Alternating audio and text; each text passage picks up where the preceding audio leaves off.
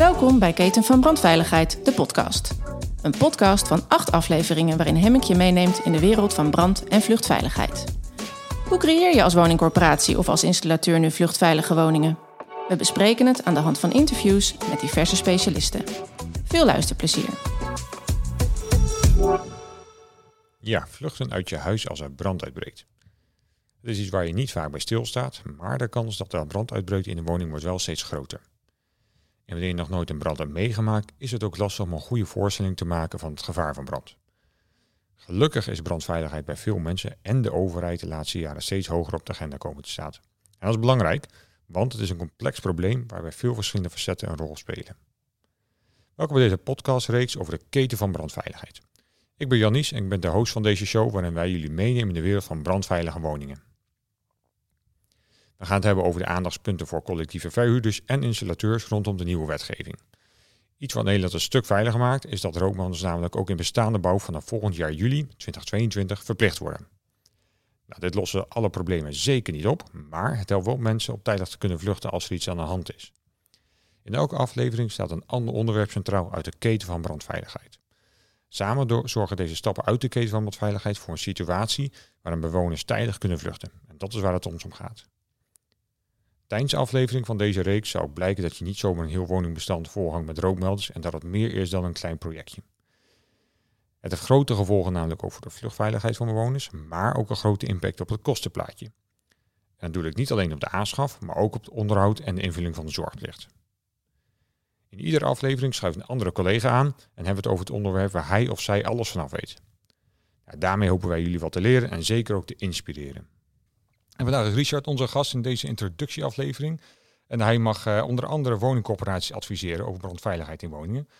Welkom Richard. Ik heb me laten vertellen dat, uh, dat dit ook uh, voor jou de eerste podcast is. En nou, laten we maar wat moois van maken. Klopt. Nou, Richard en ik werken voor Hemming. In mijn beleving een mooi familiebedrijf in Zolle. Nou, wij van WC1 vinden dat natuurlijk sowieso. Als ik jou vraag, Richard, wat, wat Hemming doet, kun je vertellen, eigenlijk kort toelichten welke rol Hemming heeft met betrekking tot brandveiligheid? Ja, zeker. Misschien is het wel leuk om daar een uh, klein stukje geschiedenis aan vast te knopen. Uh, Hemming bestaat nu 70 jaar. Net vast pas uh, het feest, het zij bescheiden mogen vieren, door de coronamaatregelen natuurlijk. Um, maar is eigenlijk vanuit het importeurschap van een aantal merken uitgegroeid tot een echt een, een, volwaardige partner zeg maar, voor allerlei partijen, waaronder inderdaad woningcorporaties, om ze te adviseren en te mogen ondersteunen in brandveiligheid. En ja, daar zijn best wel veel uh, schakels zeg maar, die wij nu inmiddels kunnen uh, oppakken. In het verleden waren we dus inderdaad echt een soort van, onerbiedig gezegd, dozenschuiver. En inmiddels um, ja, zijn we een advies, echt een adviseur geworden voor, voor corporaties. En hebben we zelfs de keten van brandveiligheid op kunnen zetten als ons concept zeg maar, in brandveiligheid voor met name woningcorporaties, maar ook installateurs en, en groothandel uiteraard. Ja. ja. Nou, laten we ook gelijk maar even te diep in gaan en starten met wat wij vinden dat echte veiligheid voor bewoners uh, biedt. En iedereen die heeft nu uh, de keten van brandveiligheid gehoord. Um, ik denk dat het goed is dat, dat jij die eens toelicht. Wat, wat is die keten van brandveiligheid eigenlijk? Nou, de keten van brandveiligheid is eigenlijk een middel. Het is niet echt een doel, maar het is een middel om van allerlei zaken bij elkaar te pakken. om te zeggen van als je daaraan voldoet, dan uh, dan heb je echt een, veilige situatie. Hè. Dan kunnen voor, corporaties in dit geval dan huurders uh, veilig slapen, zoals wij dat zeggen. En dat begint natuurlijk bij het begin, uh, zoals altijd. en in dit geval is dat, nou, je hebt natuurlijk een aantal beleidspunten vanuit de overheid. heb, je, heb je verplichtingen, beleidszaken vanuit de, de, corporatie zelf. Hè. Hoe wil je omgaan met brandveiligheid? En daarnaast is een stuk advies van ons. En die zaken proberen we samen te vatten in een, een goed onderbouwd stuk wat een corporatie als leidraad kan gebruiken om uh, zijn of haar uh, nou, ambities op brandveiligheid uh, waar te kunnen maken. En nou ja, dat betekent dus eh, dat wij kunnen helpen met advisering, een stuk beleid opschrijven, um, plan van aanpak maken, zodat ook bijvoorbeeld de installateurs die voor ze moeten gaan werken weten waar ze aan toe zijn. Dus daar is onze ondersteuning op gebaseerd, hè, van begin af aan. Nou ja, en als je dan een stukje verder kijkt, dan helpen we bijvoorbeeld ook met het maken van projecties. Uh, nou, wat ik al zei, het zoeken van bijvoorbeeld een installateur, mocht die nog niet bekend zijn bij een corporatie. Uh, vervolgens ook het geven van trainingen aan de betreffende installateurs, om ze op inderdaad voor die situatie, hè, want wat ik, wat ik al zei, zijn natuurlijk verschillende uitgangspunten die corporaties hanteren bij hun brandveiligheidsbeleid. En je wilt graag dat ook die installateurs op die manier gaan werken. Dus die trainen we dan. We geven ook in die trainingen weer ehm, waar melders bijvoorbeeld gehangen moeten worden, dat ze wel op een veilige plek hangen. Uh, daarnaast hebben we de mogelijkheid om te ondersteunen bij, bij installatie. Hè. Stel je begint met het installeren van, van melders uh, voor de eerste keer. Je moet melders koppelen. Hoe werkt dat? Daar geven we ondersteuning, bijvoorbeeld uh, online of inderdaad telefonisch. geven die ondersteuning dus. vervolgens is er ook een stuk bewonersinformatie die we beschikbaar hebben. En die kunnen we samen ook uitwerken met, met de corporatie. En daarnaast heb je ook de, het onderhoud bijvoorbeeld van rookmelders. Een dingetje wat nog wel eens vergeten wordt, maar wat heel belangrijk is natuurlijk om mee te nemen in het geheel. Want uh, melders, uh, uh, om ze inderdaad veilig te laten werken, is één. Maar om ze ook veilig te houden voor de toekomst, dat is, dat is twee. En dat is ook een stukje onderhoud wat erbij komt kijken. En daar hebben we ook verschillende hulpmiddelen voor om dat te doen. Alles bij elkaar dus inderdaad, wat ik aan het begin al zei, zorgt dat voor de keten van brandveiligheid. En als je alles langs bent gelopen en goed invult op basis van die keten van brandveiligheid, dan heb je wat ons betreft een, een veilige situatie. Ja, precies. Dus eigenlijk in kort samengevat uh, van A tot en met Z uh, projectbegeleiding en implementatie van, uh, van rook, projecten rondom installatie van, van rookmelders. Klopt, ja. ja. Ja, precies. Ja, en het is meer dan doe maar een meldertje, want daar begint het vaak wel mee. Maar, klopt, klopt. Nou ja, dat is inderdaad wel vaak wat we horen. Hè? Want zeker nu de verplichting ook er is. In het verleden had je veel corporaties die uit nou, hun eigen motivatie al begonnen van uh, we hebben melders nodig, want we willen veilige woningen. En je ziet nu steeds meer corporaties die ook wel uh, aan de slag gaan, omdat de verplichting er is. Hè. Per 1 juli volgend jaar moeten natuurlijk in alle woningen rookmelders geplaatst zijn. En die corporaties die, die, die op basis daarvan nu zeggen van we moeten toch ermee aan de slag. Nou ja, je zegt dan van doe maar een meldertje, maar dat is inderdaad wel eens dat men dan zegt van ja, we moeten een melder hebben, want we moeten voldoen aan die verplichting. Dus zeg maar wat we nodig hebben. Nou ja, dan is natuurlijk wel de truc om samen met die corporatie te kijken wat A, zij belangrijk vinden, maar B, wat ik over tien jaar bezien uh, belangrijk is voor die corporatie. Omdat uh, je kunt nu wel een goedkope melder aanschaffen. Maar als je uh, in die tien jaar dat die melder mee moet gaan, heel vaak een onderhoudsbeurt of vervanging van batterijen of anderszins uitval kent wellicht, dan uh, is die melder die aan, het voor, aan de voorkant goedkoop leek, uh, over tien jaar gezien toch best wel een dure melder geworden. Dus dan kun je beter misschien nu een iets uh, duurdere melder nemen, maar waar je dus geen kosten van hebt in die tien jaar, zodat je dus ook uit, per saldo goedkoper uit bent. Ja, ja. En als we gaan kijken, even, even naar de historie gaan kijken, hoe is zoiets ontstaan? Want ja, je bedenkt niet op maandagmorgen, nou laat ik maar eens even een cirkel tekenen en nee, kijken wat. Wie weet, misschien kunt het ook proberen aankomende maandag, maar... Hoe, uh, kun je een beetje vertellen over hoe dat is ontstaan? Uiteraard is dat niet uh, vanzelf uh, gegaan of op een korte, korte tijdsbestek. Um, dat is echt wel grappig ontstaan. Um, nou ja, we zijn natuurlijk in eerste instantie ook begonnen om corporatie vanuit ons te gaan benaderen. Want we merkten inderdaad dat corporaties wel behoefte hadden aan, aan hulp bij het uitrollen van een, van een grootschalig project. En zo zijn we met een aantal corporaties in gesprek geraakt. Waaronder bijvoorbeeld ook Woonbron, Mooiland. En dat zijn corporaties die um, nou, zelf best wel wisten wat ze wilden, maar toch op bepaalde vlakken ondersteuning uh, nodig hadden.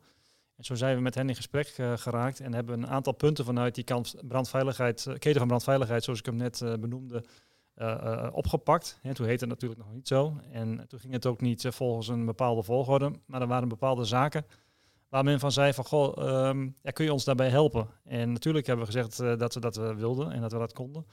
En zo langzamerhand hebben we die punten verder uitgewerkt en verbeterd, geprofessionaliseerd. Waardoor de keten van brandveiligheid als het ware is ontstaan. En in de loop der jaren zijn daar ook uh, nieuwe punten aan toegevoegd om inderdaad alles rond te krijgen. Hè? Dus de cirkel is ook rond, zoals je zegt, uh, geworden. Uh, met alle aspecten die, uh, die erbij komen kijken. En nou ja, dat is inderdaad in samenspraak met die corporaties gegaan. Omdat die corporaties gewoon behoefte hadden aan die ondersteuning. Ja, precies. En dan de volgende vraag voor mij zou, zou ook inderdaad zijn, waarom is het concept eigenlijk nodig? Maar uh, je zegt inderdaad al, de behoefte bestaat natuurlijk, daarom, daarom zie je iets.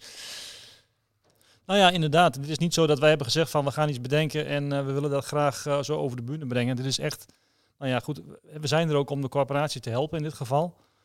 Um, dus die corporaties hadden een behoefte om, ondersteund te worden op deze vlakken. En die hebben dus ook gezegd van, nou ja, die en die vlakken. Dus het is bijvoorbeeld begonnen met, nou ja, aanbestedingsstukken die men nodig had, maar ook trainingen. Nou, dat zijn we dus uit gaan werken.